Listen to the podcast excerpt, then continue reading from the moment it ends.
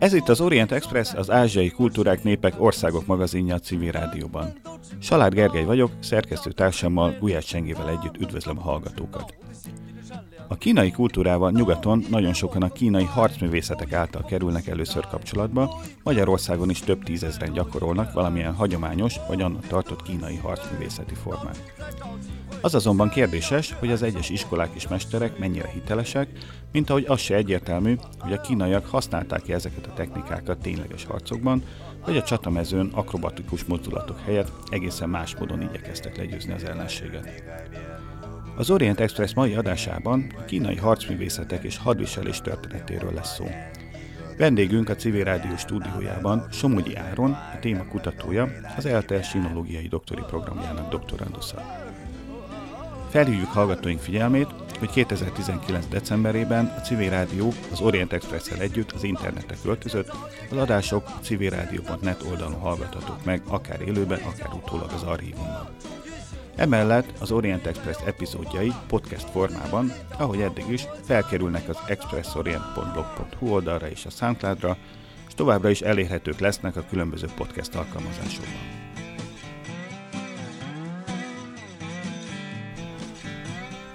Köszöntjük tehát a Civil Rádió stúdiójában Somogyi Áront, aki a kínai harcművészeteket, illetve a hadviselést kutatja. Tartottál is az eltén egy kurzust a kínai hadviselés és a kínai harcművészetek története címmel. A kettőnek, tehát a hadviselésnek, illetve a harcművészeteknek, harcművészetnek van köze egymáshoz? Tehát az, amit a ilyen kungfu filmekben, meg showműsorokban látunk, az alkalmazásra került a csatamezőkön is? Sziasztok, szeretettel köszöntöm a kedves hallgatókat is.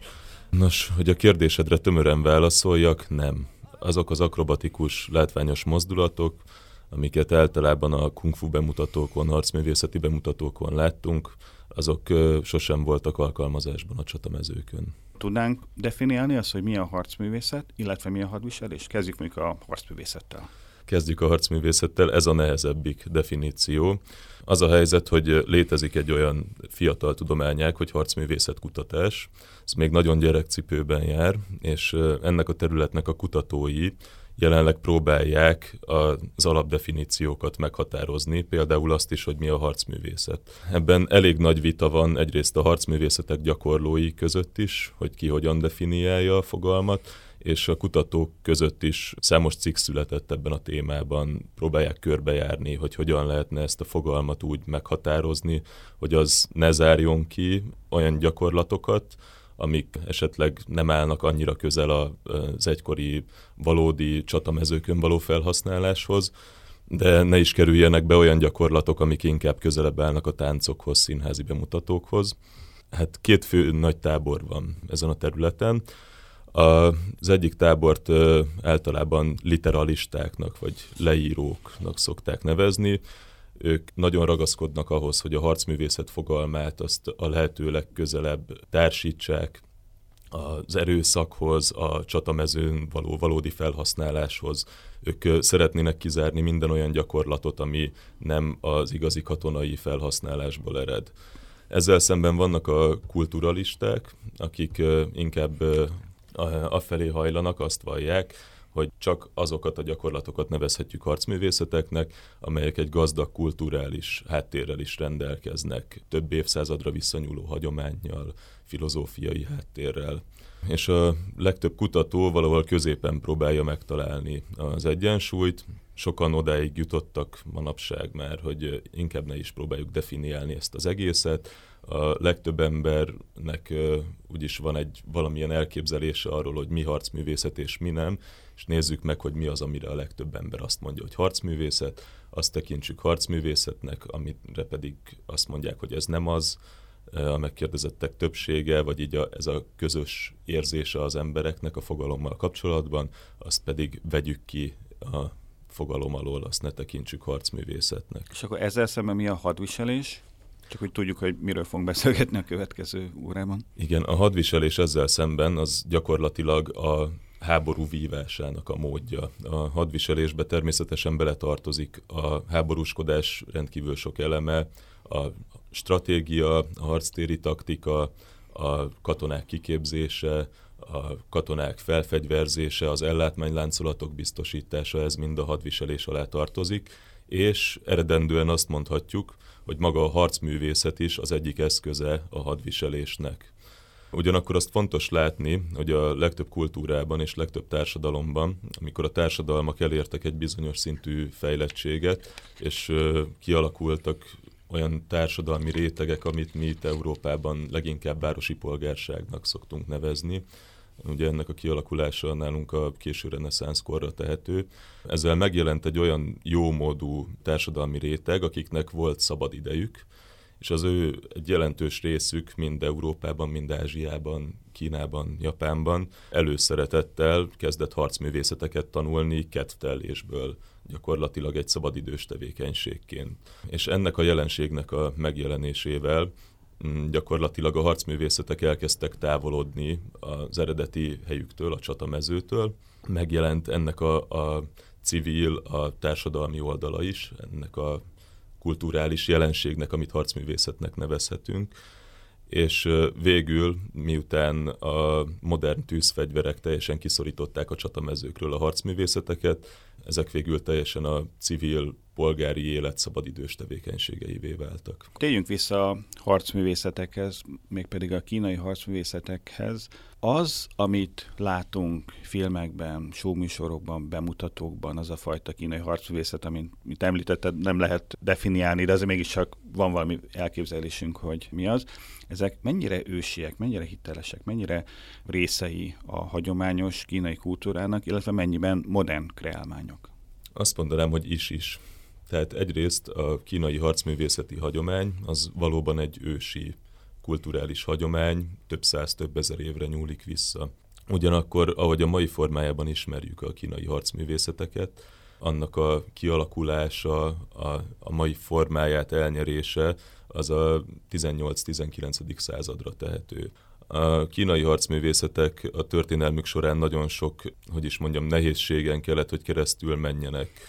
A 17. században, amikor a manzsuk, egy északi nomád nép meghódították Kínát, és létrehozták az utolsó kínai dinasztiát, a Csinget, amit nem kínaiak, hanem ez a manzsu nép vezetett, ők voltak az uralkodó elit, ők gyakorlatilag betiltották a kínai harcművészetek gyakorlását, mert az veszélyt jelentett a hatalmukra. Nyilván ez logikus, hogyha van egy lakosság, amely széles körben képzett a hadviselésben, a, a hétköznapi harcban, akkor az a fennálló hatalmi rendre nézve egy veszélyforrás. A kínaiak erre azzal válaszoltak, hogy egyrészt nyilván ez sértette a büszkeségüket, ők büszkék voltak a harcművészeti hagyományukra, úgyhogy gyakorlatilag a lázadás szimbólumává vált, a manzsú elnyomás elleni hazafiasság szimbólumává vált a harcművészetek gyakorlása. Ugyanakkor, hogy ezt büntetlenül megtehessék, ezért feltalálták az úgynevezett belső harcművészeteket. Ez ma is egy fontos megkülönböztető jelző a kínai harcművészetek két iránya között. Két csoportra szokták bontani őket, a külső és a belső harcművészetekre. A külső harcművészet az elsősorban a harci hatékonyságot helyezi előtérben. A belső harcművészet ezzel szemben a lelki, a spirituális fejlődést, a harcművészet általi jobb emberré, fejlettebb emberré válást helyezi előtérbe, és nem is tartja fontosnak az erőt, vagy a valódi harci kiválóságot. Igaziból a belső harcművészetek művelői azt vallják, hogyha a belső harcművészetük eléri a megfelelő szintet, akkor a saját fizikai erejüktől függetlenül ők kiváló, legyőzhetetlen harcművészekké válnak. Na most ez természetesen nincs így, erre szemtalan példát láthatunk, viszont ez nagy mértékben meghatározta a 17. század után a kínai harcművészetek fejlődését, elfordultak bizonyos mértékben a valódi harci hatékonyságtól, és inkább a látványos, de harci értékét tekintve nem komolyan vehető gyakorlatokat helyezték előtérbe. Ez az egyik jelentős hatás, ami meghatározza a kínai harcművészetek mai képét.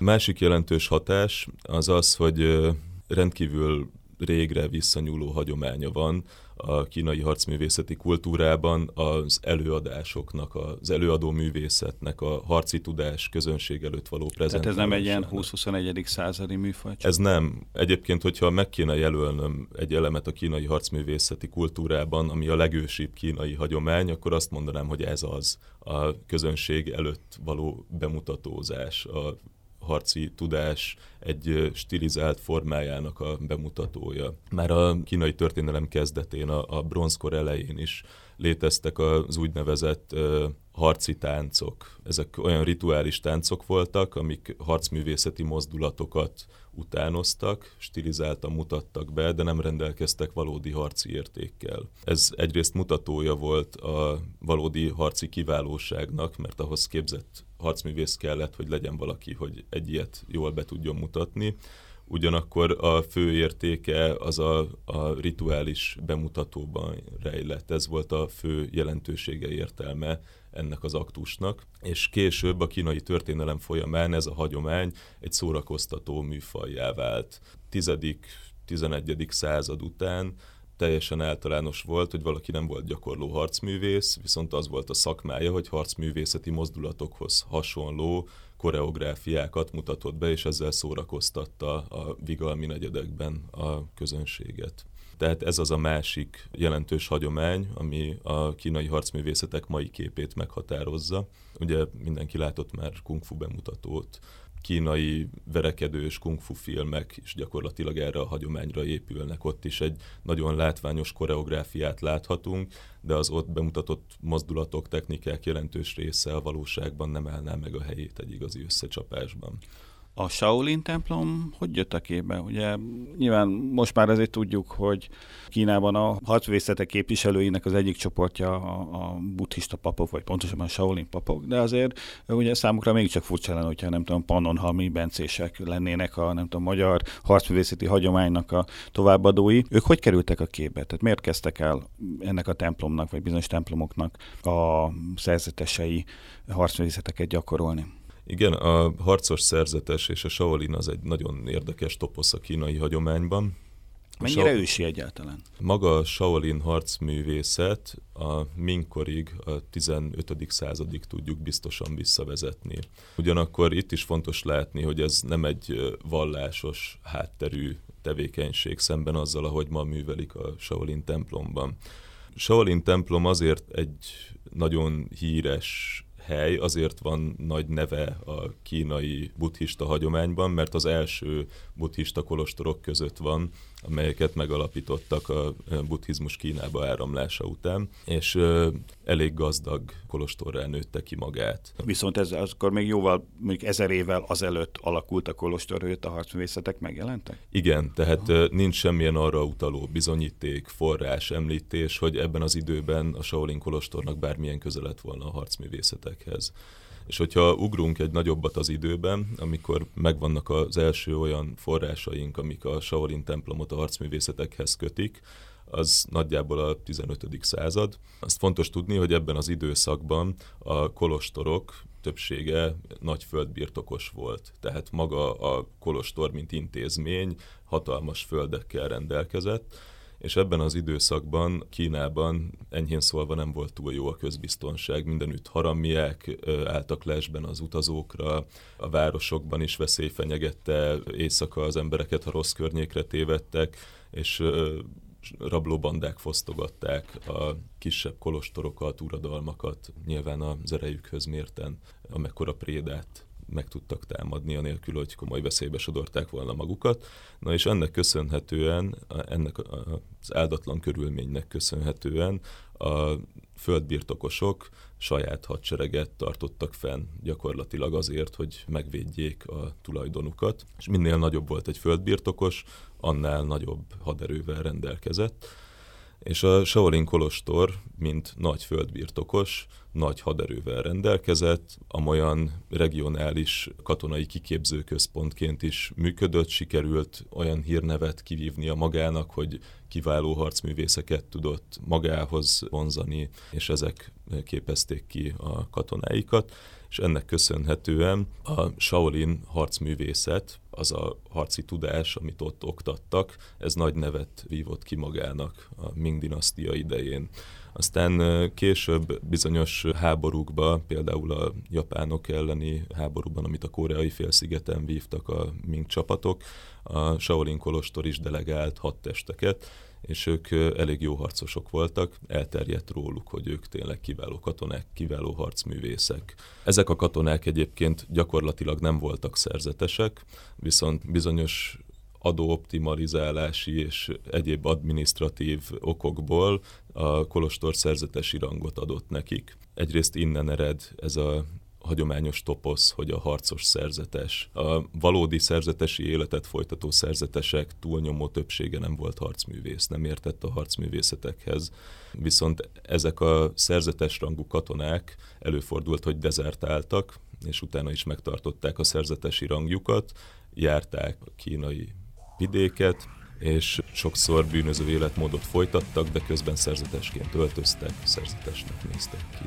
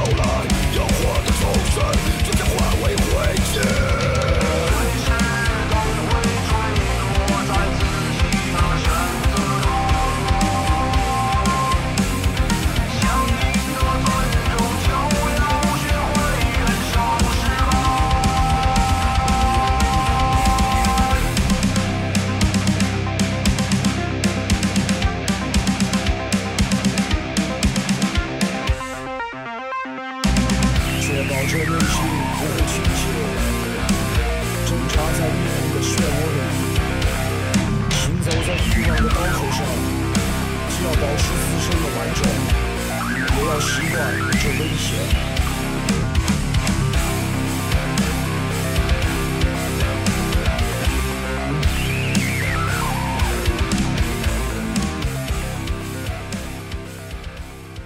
Ez itt továbbra is az Orient Express a civil rádióban, mai vendégünk Somogyi Áron, a kínai hadviselés és harcművészetek kutatója. A Shaolin Kolostor harcos papjainak a történeténél hagytuk abba, tehát a, a Ming dinasztiánál, ami ugye a 14-től a 17. század állt fenn, ott álltunk meg, amikor is, a, ahogy elmondtad, elkezdtek a kolostor szolgálatában álló adóoptimalizálási okokból szerzetesnek minősített harcosok részt venni a korabeli háborúba. Ezután mi lett a Shaolin kolostorral? A Shaolin Kolostor gyakorlatilag a dinasztia uralmának a végéig egy virágzó uradalom volt, aztán a manzsú hódítás során a manzsuk elpusztították, lerombolták. És gyakorlatilag ennek az aktusnak köszönhető, hogy a Shaolin Kolostor a kínai harcművészetek ikonikus jelképévé vált a kínai kultúrában, ugyanis elkezdtek rá a manzsú elnyomásban élő kínai harcművészek úgy emlékezni, mint a kínai harcművészeti kultúra utolsó bástyájára, amit az elnyomóik elpusztítottak és ennek köszönhetően komoly presztízsértékűvé vált az, hogyha valaki a Shaolin Kolostorból eredő harcművészetekhez tudta kötni a saját harcművészeti irányzatát, a saját harcművészeti iskoláját. Gyakorlatilag egy brandé vált ez a név, és ezt a lehetőséget próbálták is kihasználni. Minél több harcművészmester próbálta a saját irányzatát visszavezetni a Shaolin Kolostorig, hogy jobban csengő legyen az iskolájának a neve, és több tanítványt tudjon toborozni magának. Aztán végül a császárkori Kína megszűntével a Shaolin Kolostor emléke is elhalványult, a kulturális forradalom alatt teljesen feledésbe merült. Ez komoly pusztítást végzett a kínai harcművészeti kultúrában és emlékezetben. A kommunisták ebben az időszakban a kínai harcművészeteket és az üldözendő régi elemek közé sorolták, és nem támogatták a művelésüket. Ekkor nagyon sok kínai harcművészeti hagyomány veszett el, és a Shaolin Kolostor mint olyan feledésbe is merült, kivéve Hongkongot, ahol megmaradt az emlékezete, és a 80-as években hongkongi filmipar forgatott egy filmet, Shaolin Kolostor címmel, azt hiszem Jet Li volt. Igen, a, a fiatal Jet Li és amikor ezt bemutatták Kínában, akkor már javában működött a reform és nyitás politikája, és a kínaiak ráébredtek, hogy hoppá, nekünk van egy ilyen ősi hagyományunk, ott van a Shaolin Kolostor, ami a mi harcművészeti örökségünk legfőbb jelképe. Ezért újra nyitották, felépítették, nem tudom pontosan, hogy honnan, de találtak olyan szerzeteseket, akik képesek voltak látványos a régi Shaolin hagyományhoz valamilyen szinten köthető harcművészeti technikákat, látványos bemutatókat végrehajtani, meg beindították ennek a képzését a Shaolin Kolostorban, és egy hatalmas iparágat húztak fel rá gyakorlatilag. Mai napig több ezer dolláros utakra lehet befizetni, tanulja Shaolin Kolostor lábánál eredeti autentikus kungfut, létrehoztak egy hatalmas kung fu központot a Shaolin Kolostor környékén, ami várja a turistákat. Tehát ez gyakorlatilag ismét egy jól csengő vált, de az eredeti harcművészeti hagyomány jelentős része elveszett, ami a Shaolin Kolostorban oktatott technikákhoz, irányzatokhoz köthető. Hogyan lehet ezeket kutatni? Mire gondolsz pontosan? Hát, a... hát így a harcművészetekre, hadviselésre. Ugye ezeket nem írják le, tehát egy ilyen harcművészeti mozdulatok leírhatatlanok, és ezért a forrásanyag is nyilván korlátozott. Igen, vegy, válasszuk külön a kettőt, a hadviselés és a harcművészetek. Akkor a hadviselés, azt hallasszuk, azt, azt majd a következő blogban, maradjunk a harcművészeteknek. Rendben. A harcművészetek kutatása az hát attól függ a módszertanunk és a felhasznált tudományterületek tehát hogy milyen tudományterületek eszköztárát használjuk, hogy milyen harcművészetet szeretnénk kutatni. Hogyha a mai élő harcművészeti kultúrát szeretnénk, az inkább a, a kulturális antropológia, a társadalomtudományok területére tartozik. Sokan foglalkoznak ezzel, vannak olyan szociológusok, akik erre szakosodtak, hogy a harcművészeti kultúrát, mint társadalmi jelenséget kutatják. Ami az én területem, a minkori harcművészetek kutatása, itt azt hiszem kijelenthetjük, hogy kihalt harcművészetekről beszélünk. Tehát a kínaiak hivatalosan a mai élő hagyományukat folytonosnak gondolják a minkori harcművészetekkel, de én úgy gondolom, hogy ez az állítás nem állja meg a helyét. Annyi torzuláson mentek keresztül ezek a az iskolák, irányzatok annyi tudás elveszett, gyakorlatilag én kimerem jelenteni, hogy a minkori harcművészeti rendszerek egy kihalt harcművészeti hagyomány részét képezik. A forrásaink ezeknek a kutatásához, ezek szerencsére írott források. Azt említetted, hogy nem könnyű írásban lejegyezni harcművészeti technikákat. Valóban a médium az mindig bizonyos szintű korlátot jelent, Ugyanakkor fennmaradtak olyan kínai harcművészeti kézikönyvek a minkorból, a 16. századból főleg, amelyek képes illusztrációk és szöveges leírások segítségével próbálták megőrizni az általuk jónak, hatékonynak, mert mint a szerzőik által jónak és hatékonynak és jól használhatónak vélt harcművészeti rendszereket. Tehát elsősorban szöveges forrásaink vannak, vannak az elsődleges forrásaink, ezek a lejegyzett harcművészeti rendszerek, harcművészeti kézikönyvek, és emellett másodlagos forrásként felhasználhatjuk a az esemény történeti beszámolókat, a korabeli krónikákat, amelyek esetleg rögzítik, hogy az adott művek szerzői katonatisztként, harcművészként mennyire voltak eredményesek, milyen eredményeket értek el. Itt-ott találhatunk pici utalásokat a műveikben lejegyzett technikák oktatására, tehát ezeknek a műveknek a szerzői mind katonatisztek voltak. A lejegyzett tudást feltehetően oktatták a katonáiknak a kiképzés során, és találunk több olyan történelmi beszámolót is, ahol név szerint megemlíti a szöveg, hogy ez és ez a tábornok ezt és ezt a technikát, tudást oktatta a kiképzés során. Na most, én a egyik gyerekemet vízilabdázni akartam járatni, úgyhogy elvittem a KSI-be, mert ott már láttak vízilabdát, meg ott nem fog megfulladni. Másikat elvittem vívni, beadtam a BVSC-be, mert ott már láttak női kardot.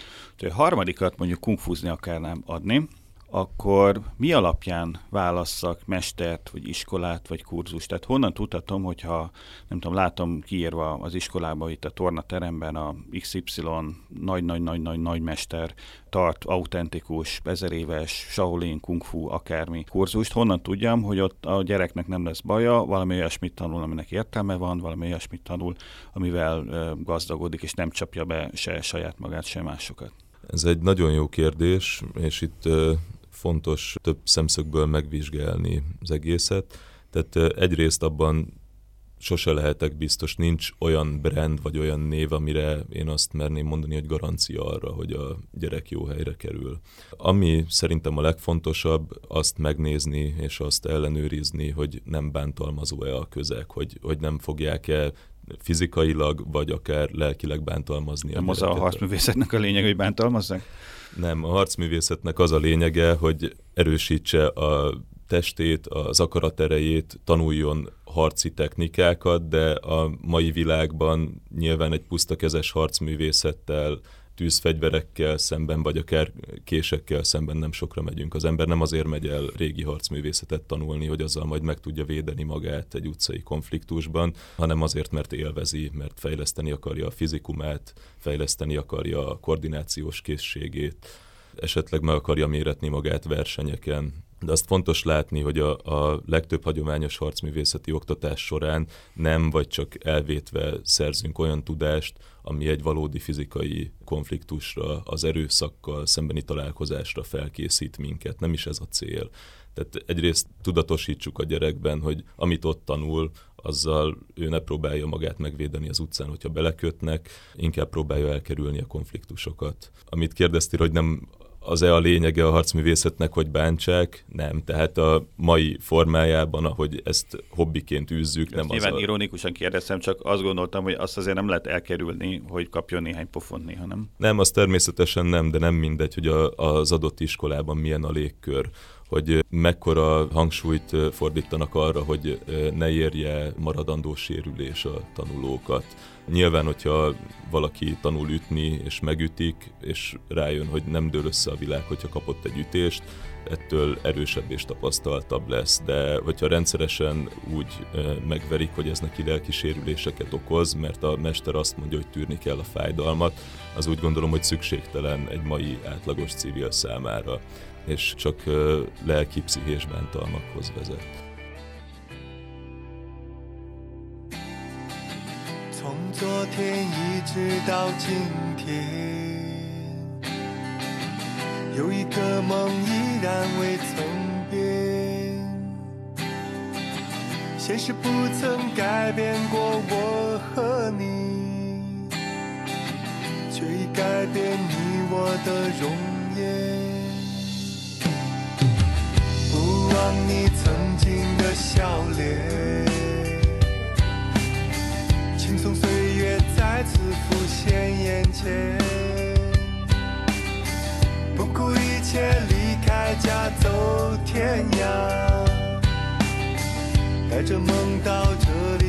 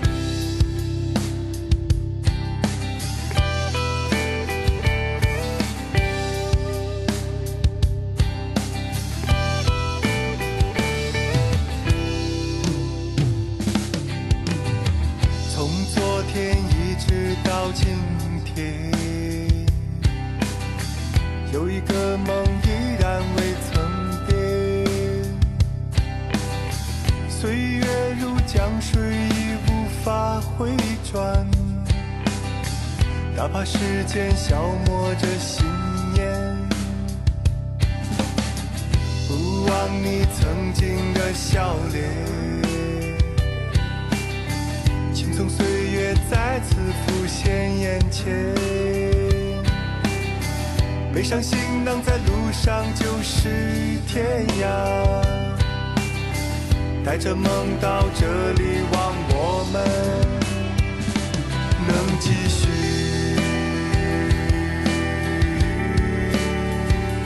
能继续。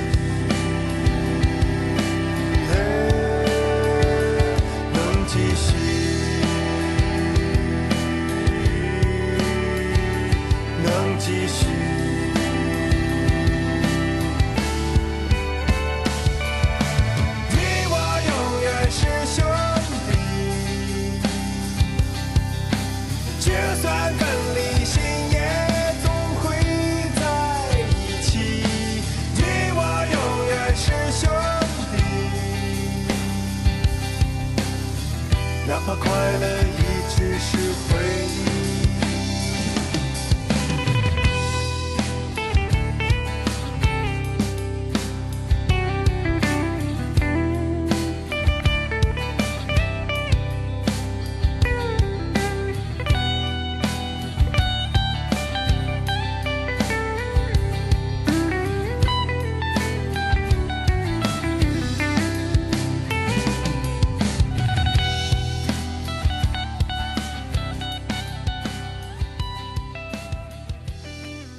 Ez itt még mindig az Orient Express a civil rádióban, mai vendégünk Somogyi Áron, a kínai hadviselés és harcművészetek kutatója. Él egy olyan kép Kínáról, hogy ez egy alapvetően nagyon pacifista civilizáció, és maguk a kínaiak is némileg propagandisztikus jelleggel azt szokták hangoztatni, hogy hát a régi Kína soha nem támadott meg senkit, nem viselt hódítóháborúkat, nem gyarmatosította a környezetét meg a távoli földrészeket szemben az agresszív nyugatiakkal. Másik oldalról meg azért, hogyha bármilyen kínai leletet nézünk, mondjuk egy sírt nézünk, akár a neolit kortól fogva egészen a, a, az elmúlt évszázadokig, akkor tele van fegyverekkel, falak épültek, ostromgépeket uh, gyártottak a kínaiak, puskaportők találták fel, tehát mi, mint hogyha mégiscsak lett volna valami harci kultúrájuk, vagy mégiscsak lett volna szerepe a fegyvereknek, az erőszaknak a kínai civilizációban. A valóság mi? Hogyan álltak a kínaiak a háborúkhoz? Valóság ebben az esetben is valahol félúton van, én úgy gondolom. Egyrészt nincs olyan ma ismert nagy civilizáció, amely ne lett volna erőszakos, amely ne vívott volna háborúkat, amely ne fejlesztett volna ki fegyvereket.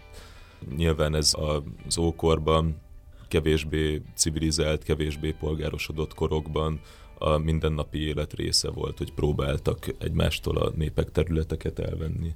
Minden civilizáció fennmaradásának az áloga volt az, hogy akár külső hódítókkal szemben megvédje magát, akár az, hogy az erőforrásokat el tudja venni a környező népektől. Enélkül nyilván egy nép se tudott nagyra nőni.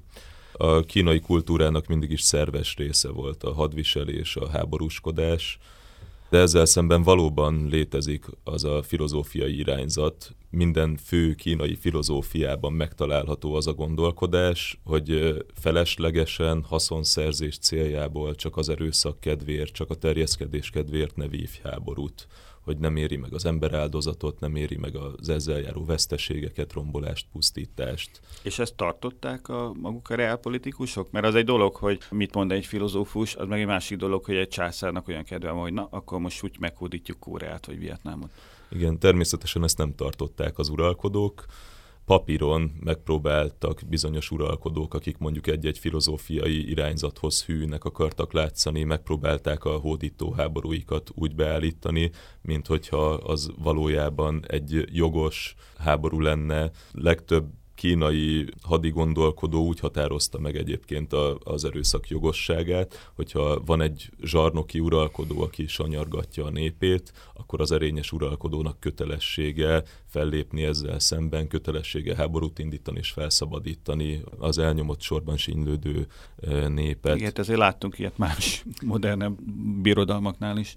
Igen, igen, tehát az ideológiát mindig könnyű volt hozzákovácsolni a körülményekhez, hozzáhajlítani kicsit a, a valóságot, a megfelelő propagandisztikus kép fenntartásához, de igen, a történelem legnagyobb részében ez nem igaz, ez a kép nem így működött, vagy Kína több részre szakadt, és ezek a kisebb részek háborúztak egymással, vagy amikor egységes és nagy birodalom volt, akkor általában hódító háborúkat folytatott, vagy legalábbis próbálkozott vele.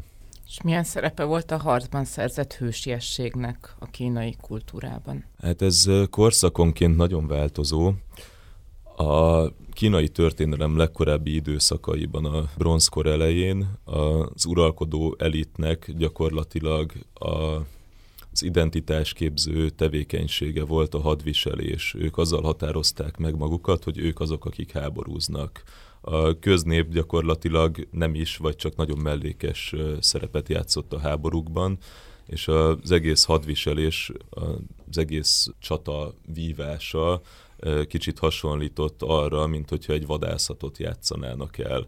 A nemesek, az előkellők a harci szekereiken hajtva próbálták levadászni az ellenség nagy nevű, nagy presztízsű nemeseit, íjjal, és gyakorlatilag itt az egyéni hősiességnek nagyon nagy szerepe volt, próbálták magukat hősként apostrofálni, akik elejtették a nagyvadat, az ellenfél nagy nevű, nagy harci képességű vezetőjét vagy harcosát. És ahogy haladunk előre a kínai történelemben, ahogy egyre központosítottabbá válik az adminisztráció, egyre jobbá válik az államszervezet, egyre nagyobbá válik a bürokrácia, úgy a személyes hősiesség, a katonai kiválóság szerepe egyre inkább csökkenni kezdett, míg nagyjából a 11. századra eljutunk oda, hogy ciki volt katonának lenni, ciki volt harcosnak lenni, nem járt társadalmi presztízsel, hogyha én egy kiváló harcművész vagyok. A az uralkodó elit, amelynek a nagy részét ekkor már civil hivatalnokok alkották, lenézték a katonákat, és egyébként a kínai hadszervezet ezt meg is sínylette. A civil adminisztráció általában vagy elsikasztotta a hadseregnek szánt pénzeket, vagy nem is szánt megfelelő összegeket a hadsereg fenntartására és gyakorlatilag hagyták a kínai hadigépezetet leromlani. Ennek köszönhető, hogy éppen ebben az évezredben, tehát az elmúlt egy évezredben a Kína elcivilesedése utáni évezredben sikerült kétszer is elfoglalni nomád népeknek Kínát? Tehát ennek ilyen jellegű katonai okai volt a kínai oldalról? Igen, de a válasz azért nem ennyire egyszerű amikor a nomád népek el tudták foglalni Kínát, az mindig abban az esetben történt meg, amikor egy dinasztia már a végnapjait járta, és nem csak a katonai adminisztráció, de a civil adminisztráció is kezdett szétesni. Általában a birodalom egész szerkezete már ilyenkor korhadásnak indult, és ez egy hatalmi űrt teremtett, ahova be tudott nyomulni egy-egy nomád nép, és el tudta foglalni a területeket. Ugyanakkor ez az éles elválasztás, hogy kínai nomád, ez nem mindig működött ilyen egyértelműen. Például a Tang dinasztia, amely a 7. századtól virágzott, a Tang dinasztia elitje az egy kínai nomád keverék volt, és magukat is úgy határozták meg, mint egyszerre írástudó úriemberek és nomád jellegű harcosok. Gyerekkoruktól a hatalmi elit tagjai ebben az időben harci kiképzést kaptak, ugyanúgy, ahogy a nomád népek gyermekei, ami egyébként Kínában nem volt jellemző a kínai történelem nagy részében. Úgyhogy voltak azért itt érdekes hibrid kulturális jelenségek, és a nomád hadi kultúra, harcművészeti kultúra elég nagy nyomot hagyott a kínai hadviselésen és harcművészeti kultúrán a történelem során. Mi volt az első kínai háború? Tehát mikortól van forrásunk, információnk arra, hogy a kínaiak háborúztak valakivel? Kínai hagyomány őriz egy olyan történetet, hogy a sárga császár az első mítikus uralkodójuk, akiről nem tudjuk, hogy létező törzsfő lehetette, vagy csak a legendákban létezik. Ő vívott háborút egy törzsi vezető és a, a vörös császár ellen. De hogyha valódi feljegyzéseket keresünk, és valódi forrásokat arról, hogy a kínai kultúrkörben háborúkat vívtak, akkor a legjobb forrásaink a jóslócsontok, amelyek a korai bronzkortól kezdve léteznek. Ez Krisztus előtti 14-13. század mondjuk? Igen, igen, nagyjából. És ezeken feljegyeztek egyrészt induló hadjáratokat, a jóslócsontok segítségével próbálták megjósolni, hogy egy hadjárat például sikeres lehet-e, és nyilván ebben az esetben feljegyezték, hogy ekkor és ekkor hadjáratot indítunk erre és erre másrészt pedig a győzelmeket és vereségeket is sokszor megörökítették ezeken a forrásokon. Úgyhogy nagyjából ekkora tehetőek a legkorábbi forrásaink a kínai háborúkról.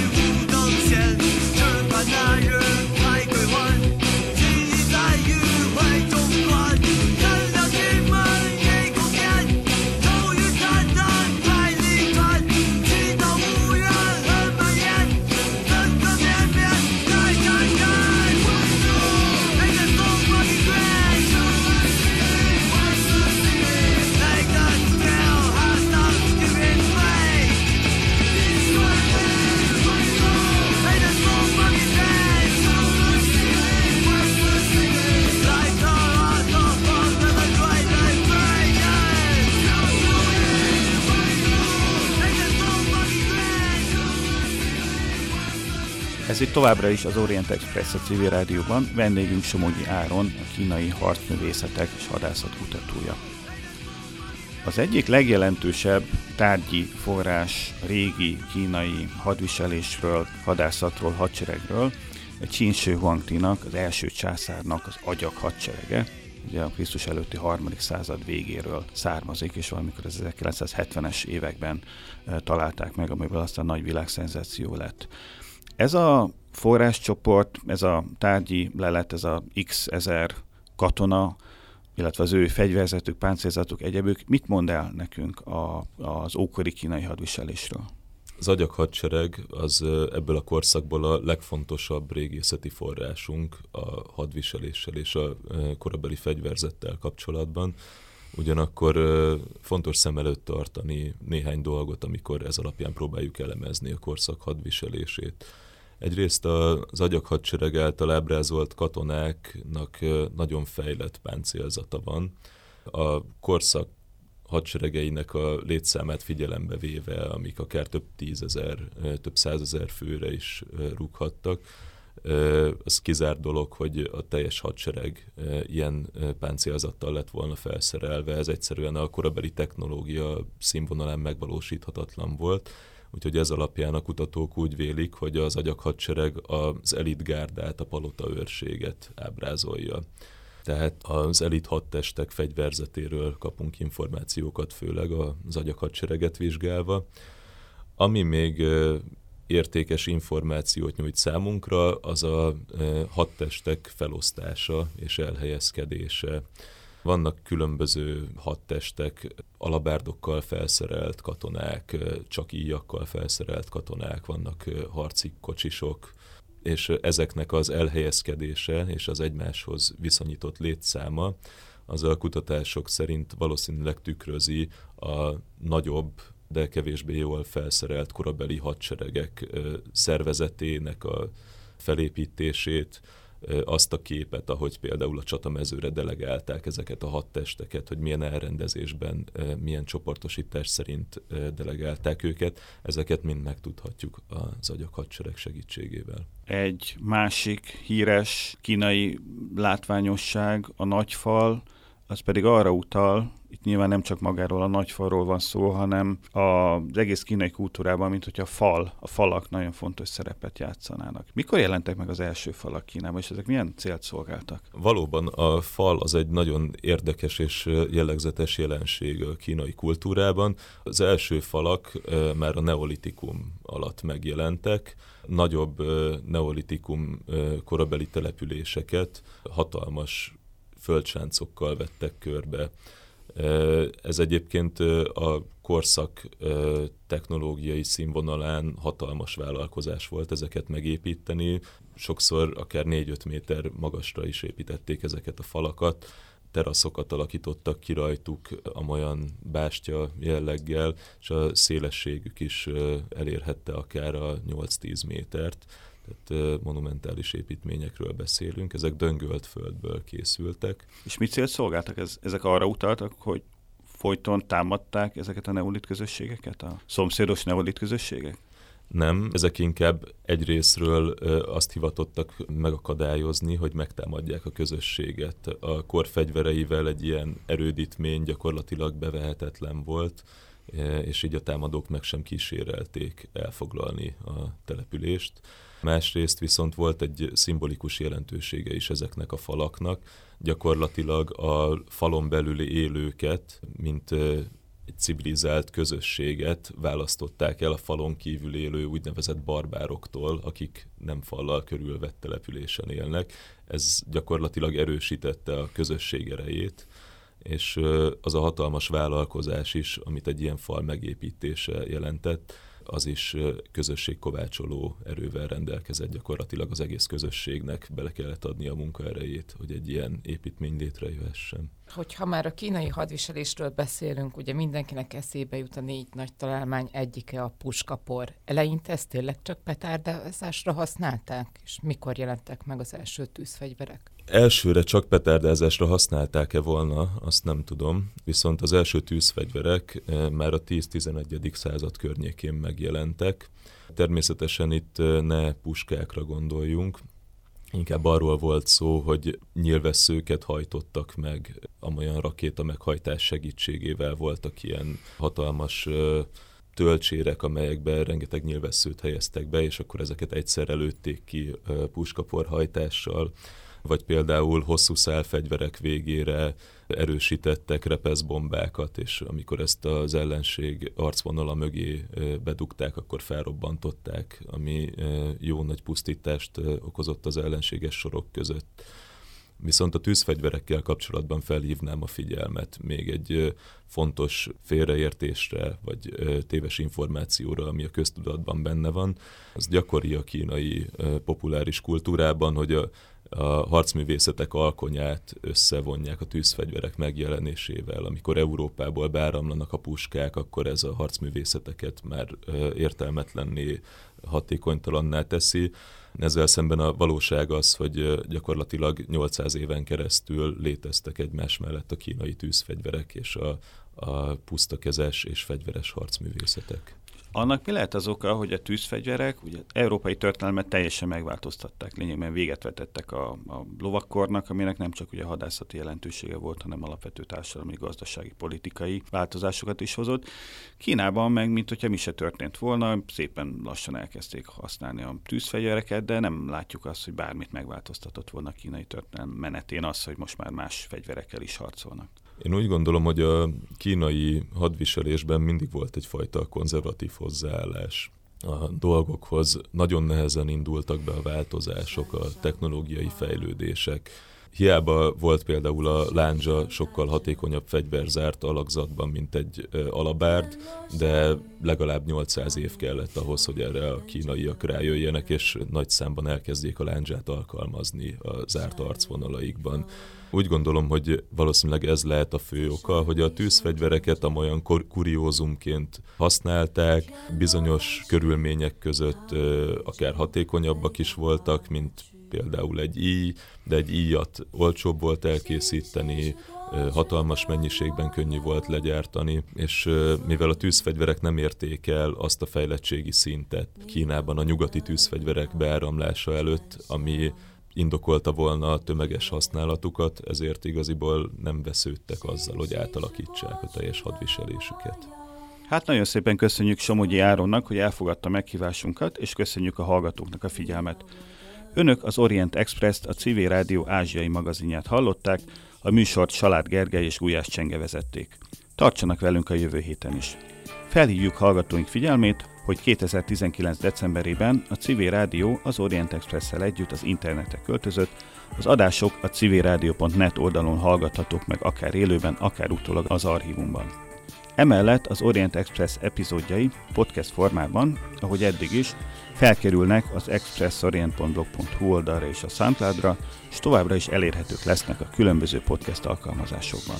A viszont hallásra! Sweet.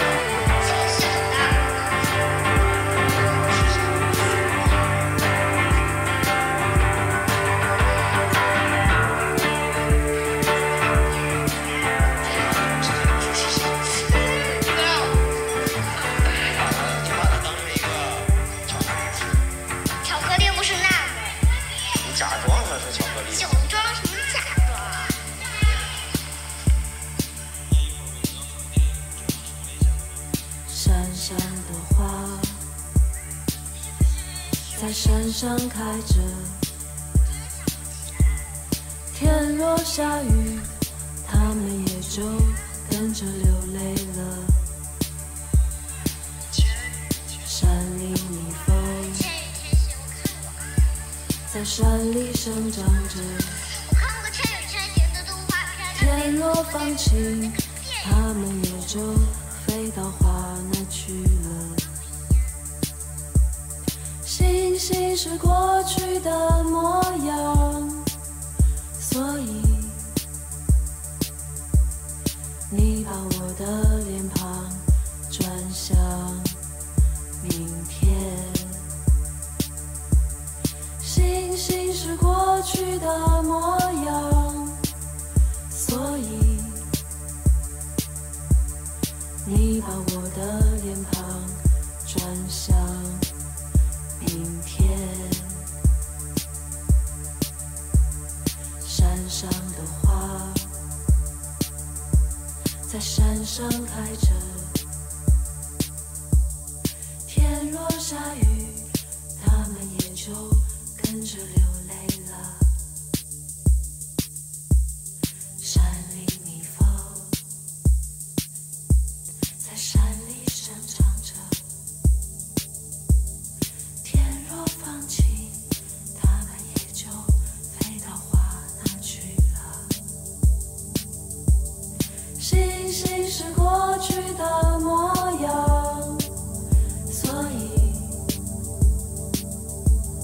你把我的脸庞转向